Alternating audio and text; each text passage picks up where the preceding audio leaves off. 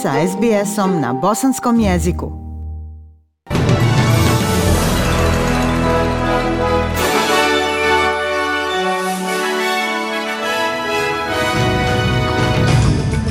U današnjim vijestima poslušajte. Novi Južni Vels bilježi 1218 lokalnih slučajeva covid sa šest smrtnih ishoda. Queensland najavljuje novo središte za masovnu vakcinaciju koje će se otvoriti u roku od nekoliko sedmica, a u sportu Ilja Ivaška osvaja prvu titulu u karijeri na APT turniru u Winston-Salem Openu. Slušate vijesti SBS radija na Bosanskom. Novi Južni Vels zabilježio je danas 1218 lokalnih slučajeva covid sa šest smrtnih ishoda, dva muškarca u 80-im, tri u 70-im i žena u 80-im godinama. Četiri osobe bile su nevakcinisane, a dvije su imale jednu dozu. 65% stanovništva države ima barem jednu dozu, a 35% je potpuno cijepljeno. Premijerka Gladys Berejiklian kaže da je Novi Južni Vels na pola puta do tih magičnih 70% koji će omogućiti više slobode. Dvostruka doza, 70%, što će nam dati sve slobode. Očekujemo da ćemo na tome biti negdje u oktobru, ali sljedeći veliki cilj koji želimo postići kao država je da se vakcinišemo sa jednom dozom od 70%. Imajte povjerenja.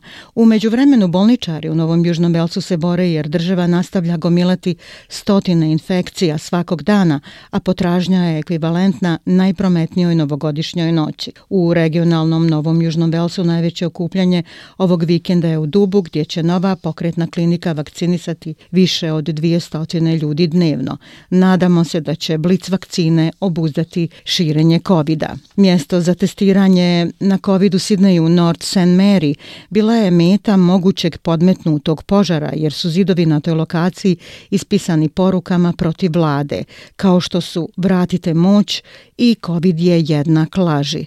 Montažna zgrada iz izgorjela prije dolaska vatrogasaca. Požar je ugašen nakon sat vremena, a policija je utvrdila mjesto zločina. Umeđu vremenu počinje nedeljna superblic vakcinacija usmjerena na 12 područja lokalne uprave žarišta covid -a. Premijer Viktorije Daniel Andrews potvrdio je da država neće izaći iz zatvaranja 2. septembra. Viktorija je zabilježila 92 nove lokalno stečene infekcije covid uključujući više od 30 koje još nisu povezane s postojićim epidemijama. Jedan slučaj otkriven u sistemu hotelskog karantina. Gospodin Andrews kaže da je previše slučajeva dugo bilo infektivno u zajednici. Ova pravila će funkcionisati i ovi će se brojevi nastaviti smanjivati ako se ljudi pridržavaju pravila. Dakle, jedno od pravila, jedna od praktičnih stvari zdravog razuma koje možete učiniti. Ako imate simptome danas, testirajte se danas. Nemojte za Boga jer neki čekaju 8 dana, a zatim zaraze sve kojima se približe tokom tog osmodnevnog perioda. Gospodin Andrews je također rekao da nije dobio savjet od glavnog zdravstvenog djelatnika Breta Satona o tome koje bi se promjene mogle napraviti umjesto okončanja izolacije. U međuvremenu pojavio se novi klaster u oblasti Port Melbourna s najmanje četiri evidentirana slučaja danas. Vlasti Queenslanda najavile su danas novo središte za masovnu vakcinaciju koje će biti otvoreno na sjeveru Brisbanea. Nastoji se povećati za ostala stopa vakcinacije u državi s tim da ustanova u početku nudi 1500 rezervacija prije nego što se poveća na 3000 dnevno. U međuvremenu Queensland je zabilježio jedan novi lokalni slučaj koronavirusa a teritorija glavnog grada zabilježila je 13 novih lokalnih slučajeva COVID-19, čime se ukupan broj zaraženih u teritoriji popeo na 250. Osam novih slučajeva bilo je u karantini tokom cijelog perioda inkubacije, a pet ih je bilo u zajednici. Svi novi slučajevi povezani su s drugim poznatim slučajevima. Deset osoba je i dalje u bolnici, a jedna osoba je na intenzivnoj njezi u kritičnom stanju. Glavni Ministar Andrew Barr izvijestio je o nekim ohrabrujućim statistikama o vakcinisanju. U posljednjih sedam dana dato je više od 31.000 doza vakcine protiv covid -a. Više od 14.000 prvih doza zabilježeno je u državnim klinikama za vakcinaciju. Od tada više od 25.000 u dobi od 16 do 29 godina prijavilo se u moj digitalni zdravstveni sistem. Vijesti iz svijeta. Novi Zeland danas bilježi 83 slučaja. Novi vrhunac za ovu epidemiju sa svim novim slučajevima, osim jednim u Oklandu, a drugi u Wellingtonu. Ukupno 511 kivija zaraženo epidemijom Delte, koja je prvi put identifikovana 17. augusta. Novi Zeland ušao je u nacionalnu blokadu u roku od nekoliko sati nakon što je pozitivan slučaj otkriven u zajednici. Premijerka Jacinda Ardern upozorila je Auckland da će vjerovatno biti zatvoren barem još dvije sedmice, a možda i duže.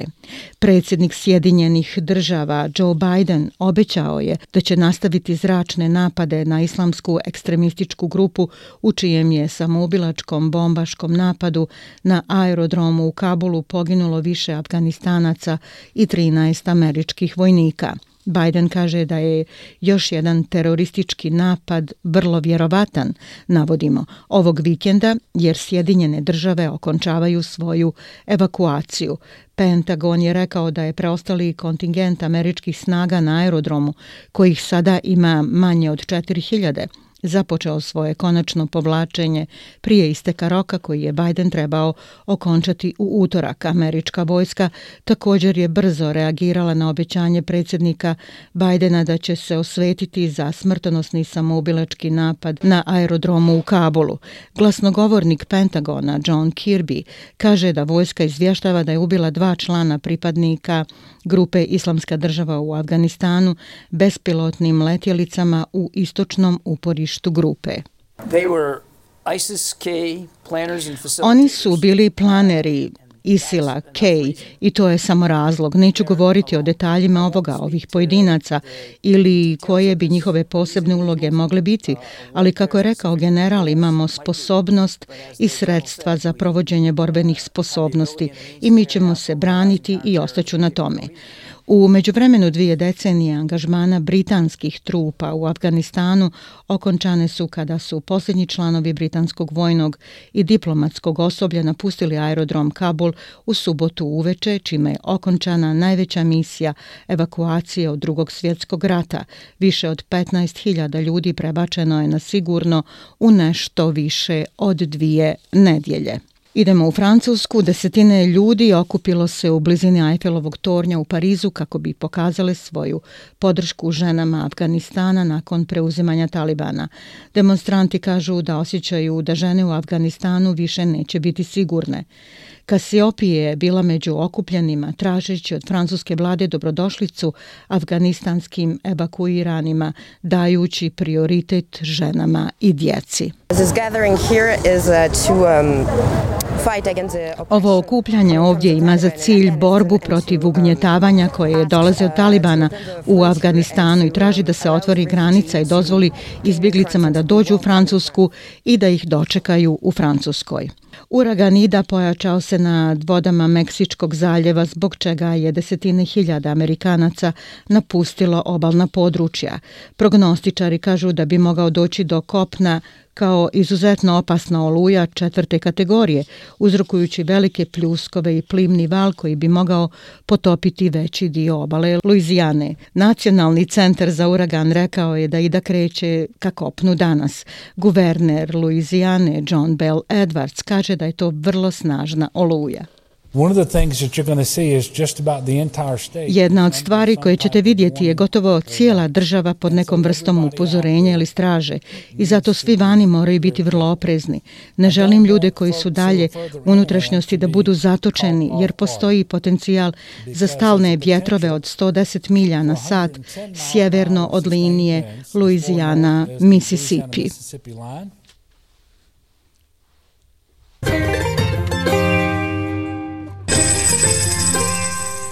Prema kursnoj listi australski dolar danas vrijedi 0,73 američkog dolara, 0,61 eura, 0,53 britanske funte te 1,21 bosanske konvertibilne marke. Vijesti sporta Ilja Ivaška osvojio je prvu titulu u karijeri na ATP turniru pobjedom nad Mikaelom Imerom na Winston Salem Openu. 27-godišnji Ivaška postao je prvi igrač iz Bjelorusije koji je pobjedio na glavnom turniru. Ivaška je poveo sa već prvim setom za samo 21 minutu ne ispuštajući ni bod na servisu.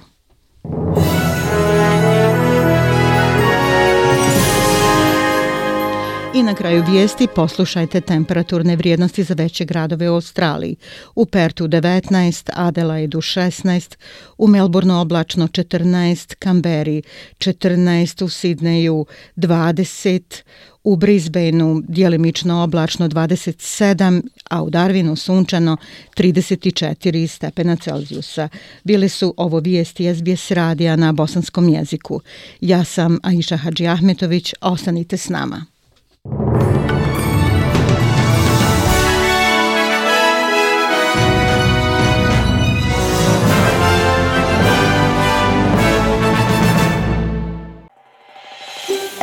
na bosanskom. Podijelite naše priče preko Facebooka. Želite poslušati još ovakvih priča? Slušajte preko Apple podcasta, Google podcasta, Spotify ili kako god da primate svoje podcastove.